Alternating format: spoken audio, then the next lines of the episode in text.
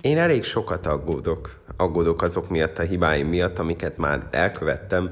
Aggódok amiatt, hogy azoknak a dolgoknak, amikről most tudok, mi lesz a következménye majd.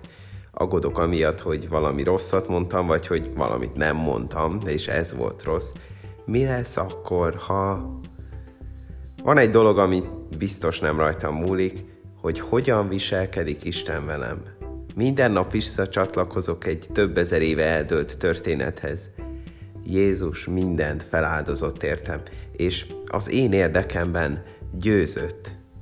Néha kellemetlen, hogy a történet régi, de ma örülök ennek, mert nem rajtam múlik a végeredménye.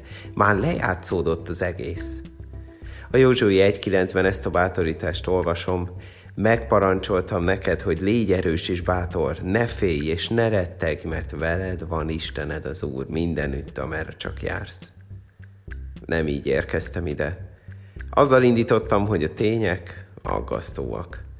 Viszont kaptam egy másik tényt az aggasztó tények mellé, azt, hogy Isten velem van. Téged mi foglalkoztat? Mi foglal le? Mi aggaszt ma? Isten arra hív, hogy beszéld meg vele ezeket.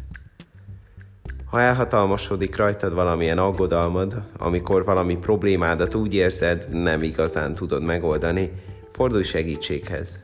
Felkereshetsz engem is, vagy más tanácsadót is, hogy átéld, nem vagy egyedül.